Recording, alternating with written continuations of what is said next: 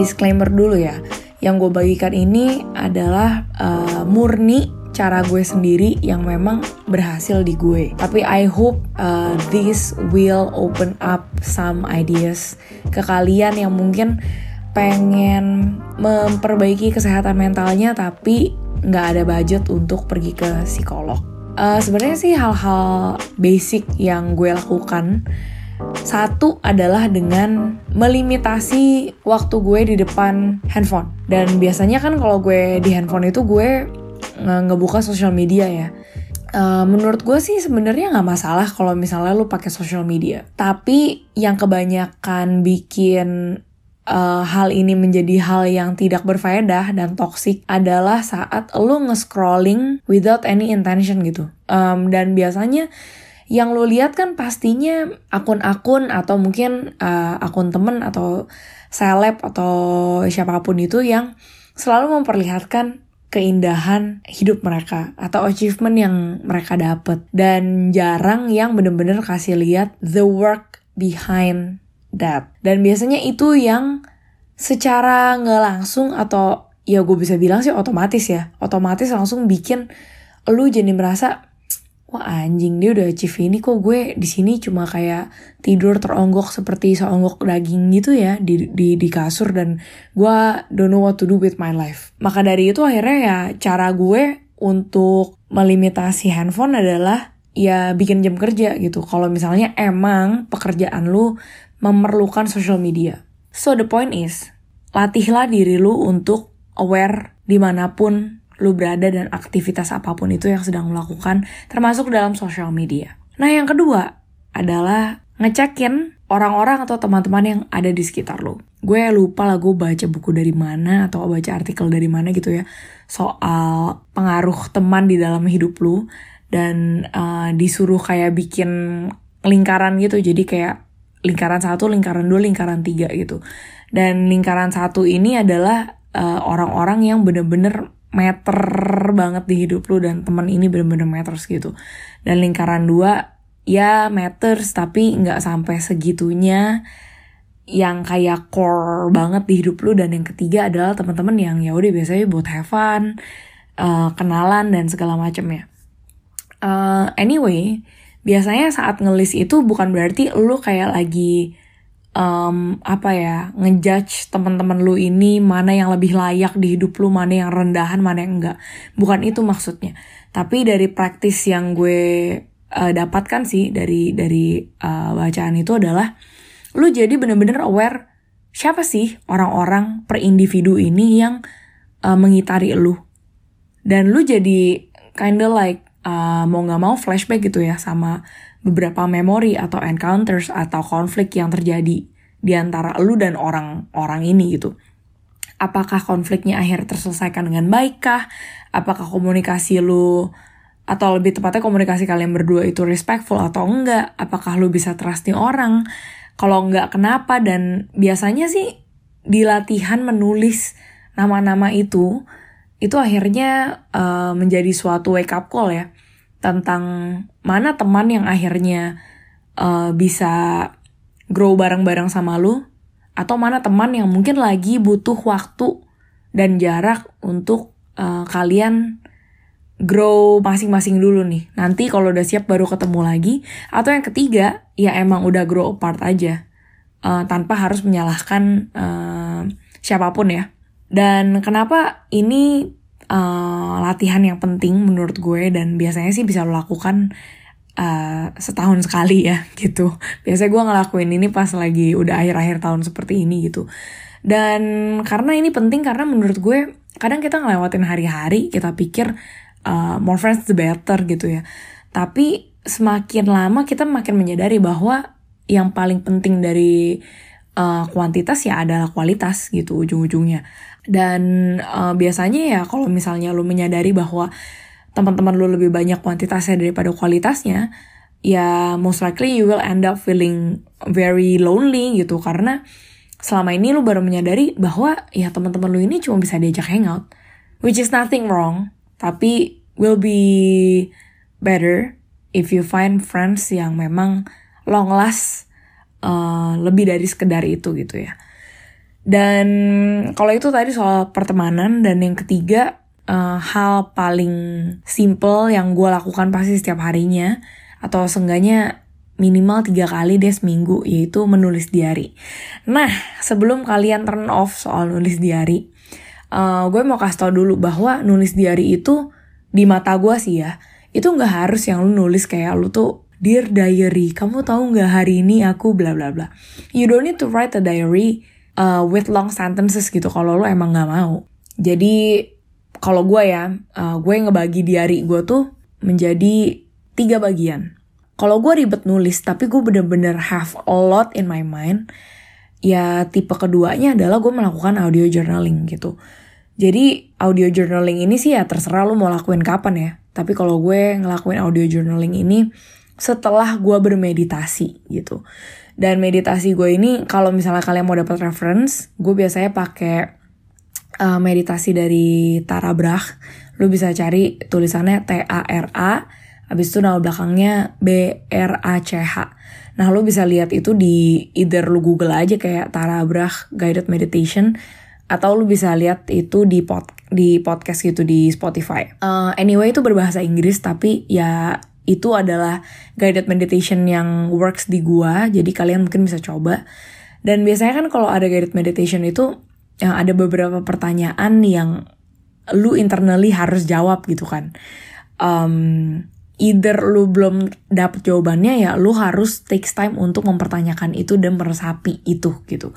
Nah biasanya setelah um, gue meditasi, gue takes time aja untuk langsung nyalain audio rekaman gue di handphone dan ya udah jawab aja apa yang yang pertanyaan-pertanyaan yang stuck di otak gue dan maybe ya relate gitu uh, dengan situasi gue. Dan itu sangat-sangat membantu. Kalau misalnya gue lagi kayak apa ya uh, tangled with so many emotions yang susah untuk gue jelasin gitu. Dan tipe ketiga itu dot points. Uh, dot points biasanya ya bisa lo tulis secara manual di buku gitu ya atau bisa lo ketik di handphone kalau gue ya dot points biasanya uh, gue start dengan satu kalimat aja gitu, satu kalimat pendek. Uh, contohnya momen-momen yang bikin gue capek hari ini gitu. Misalnya ya udah satu dua tiga selesai. Dan kalau misalnya gue mau lanjut ya gue tulis kenapa? Itu doang. Habis itu gue jawab satu dua tiga. Dan kalau misalnya mau gue lanjut lagi mungkin gue bisa lanjutin dengan kata-kata eh dengan kalimat ya udah kalau kayak gitu lu mau ngapain untuk recharge. Tapi itu dot points gue. Nah, dot points lu di, di diary lu baik itu secara digital ataupun manual, ya terserah lu mau kayak gimana. Yang penting intinya adalah bikin lu lebih aware dan lebih bisa ngeliat pattern lu tuh hari itu kenapa sih gitu. Dan yang menjadi yang paling terakhir adalah nulis diary dengan pertanyaan. Most likely ini terjadi saat gue lagi bener-bener kalut banget dan gue merasa gue seperti mengulangi pattern yang sama berkali-kali tapi gue gak tahu jawabannya apa. Biasanya gue tulis aja pertanyaan gue, pure pertanyaan tanpa harus mikir kayak tanpa lu menghakimi pertanyaan itu gitu loh. Biasanya tujuan dari nulis diary yang start dengan pertanyaan doang tanpa perlu gue jawab di saat itu adalah untuk mengingat bahwa ini bisa jadi pattern-pattern atau konflik-konflik yang terjadi di hidup gue, tapi gue belum ketemu jawabannya nih. It always comes back in different forms. Nah, dengan hal itu, kalau misalnya lo lagi ngeliat-liat diary lo lagi gitu ya, lo jadi inget nih kayak, oh ternyata gue punya pertanyaan kayak gini ya dulu ya. Dan uh, ya gue gak tau ya lu tipe orang yang ngebacain diary lu di jam-jam menjemput atau enggak. Tapi kalau gue iya gitu. Dan gue sih paling terbantu jujur dari diary yang start dengan questions ini. Dan itu juga hal yang sehat karena menurut gue overthinking itu terjadi karena banyak banget what ifs atau banyak banget pertanyaan yang nggak habis-habisnya keluar dari otak lu dan rasanya bercabang terus bercabang terus bercabang terus bercabang terus nah dengan gue ngebikin uh, atau nulis diary dari dengan dengan format uh, bertanya ini uh, yaitu lebih mengurangi overthinking gue ya karena overthinking gue akhirnya terkategorikan dari pertanyaan-pertanyaan ini gitu. Dan cara yang paling terakhir banget yang hemat untuk lo menjaga kesehatan mental lo tanpa uh, harus menguras kocek ke psikolog adalah belajar tentang boundaries. Menurut gue kalau uh, dari apa yang sudah gue praktekkan, boundaries atau uh, belajar untuk uh, melihat limitasi atau batasan-batasan di hidup lo ya sekedar tahu kapan harus bilang iya dan kapan harus bilang enggak tanpa lu perlu ngejustify diri lu terlalu berlebihan gitu. Hal paling simple adalah saat lu dikelilingi oleh teman-teman yang ekstrovert tapi lu nya ambivert gitu atau lu nya introvert. Nah, biasanya kan uh, pasti orang-orang yang ekstrovert ini memerlukan uh, recharge energi dengan orang-orang gitu ya dengan dengan berkumpul dengan orang-orang di sekitar dan bersosialisasi uh, tentunya saat di lu diajak ya mungkin lu agak nggak enak gitu ya kalau jawab enggak. Tapi gue makin ke sini makin belajar untuk bilang enggak. Jadi misalnya kalau lu diajak pergi uh, sama temen lu tapi lu lagi pengen istirahat ya cukup bilang aja kayak enggak deh gue lagi perlu istirahat hari ini karena gue lagi capek. Udah titik. Lu nggak perlu jelasin terlalu berlebih terlalu yang kayak ngejustify banget yang kayak enggak deh soalnya lu tau kan kayak gue tuh besok bakalan kerja bakalan ini bakalan itu atau ya lu tau kan gue kan orangnya introvert bla bla nggak usah. Lu cukup langsung kasih tahu needs lu apa gitu. Dan kalau misalnya masih di push push terus ya udah itu urusan dia. Yang penting lu udah ngomong no thank you tapi gue lagi perlu istirahat hari ini gitu. Kalau tadi kan gue pakai contohnya practicing healthy boundaries itu ya lewat teman-teman ngajakin hangout gitu.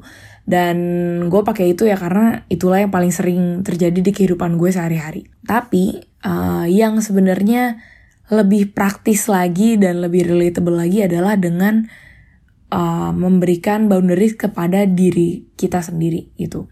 Dan gue pun baru mengerti konsep ini sekitar akhir tahun lalu kali ya dari psikolog gue.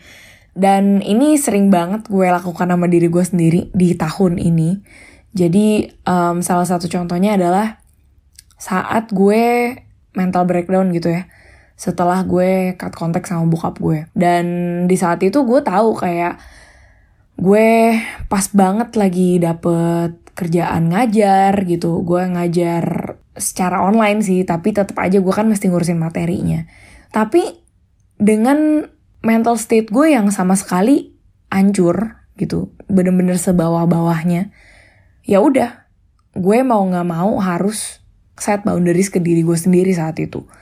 Dan di saat itu, gue akhirnya bikin list gitu, kerjaan mana nih yang emang sama sekali tidak bisa gue hold off dan harus gue kerjakan.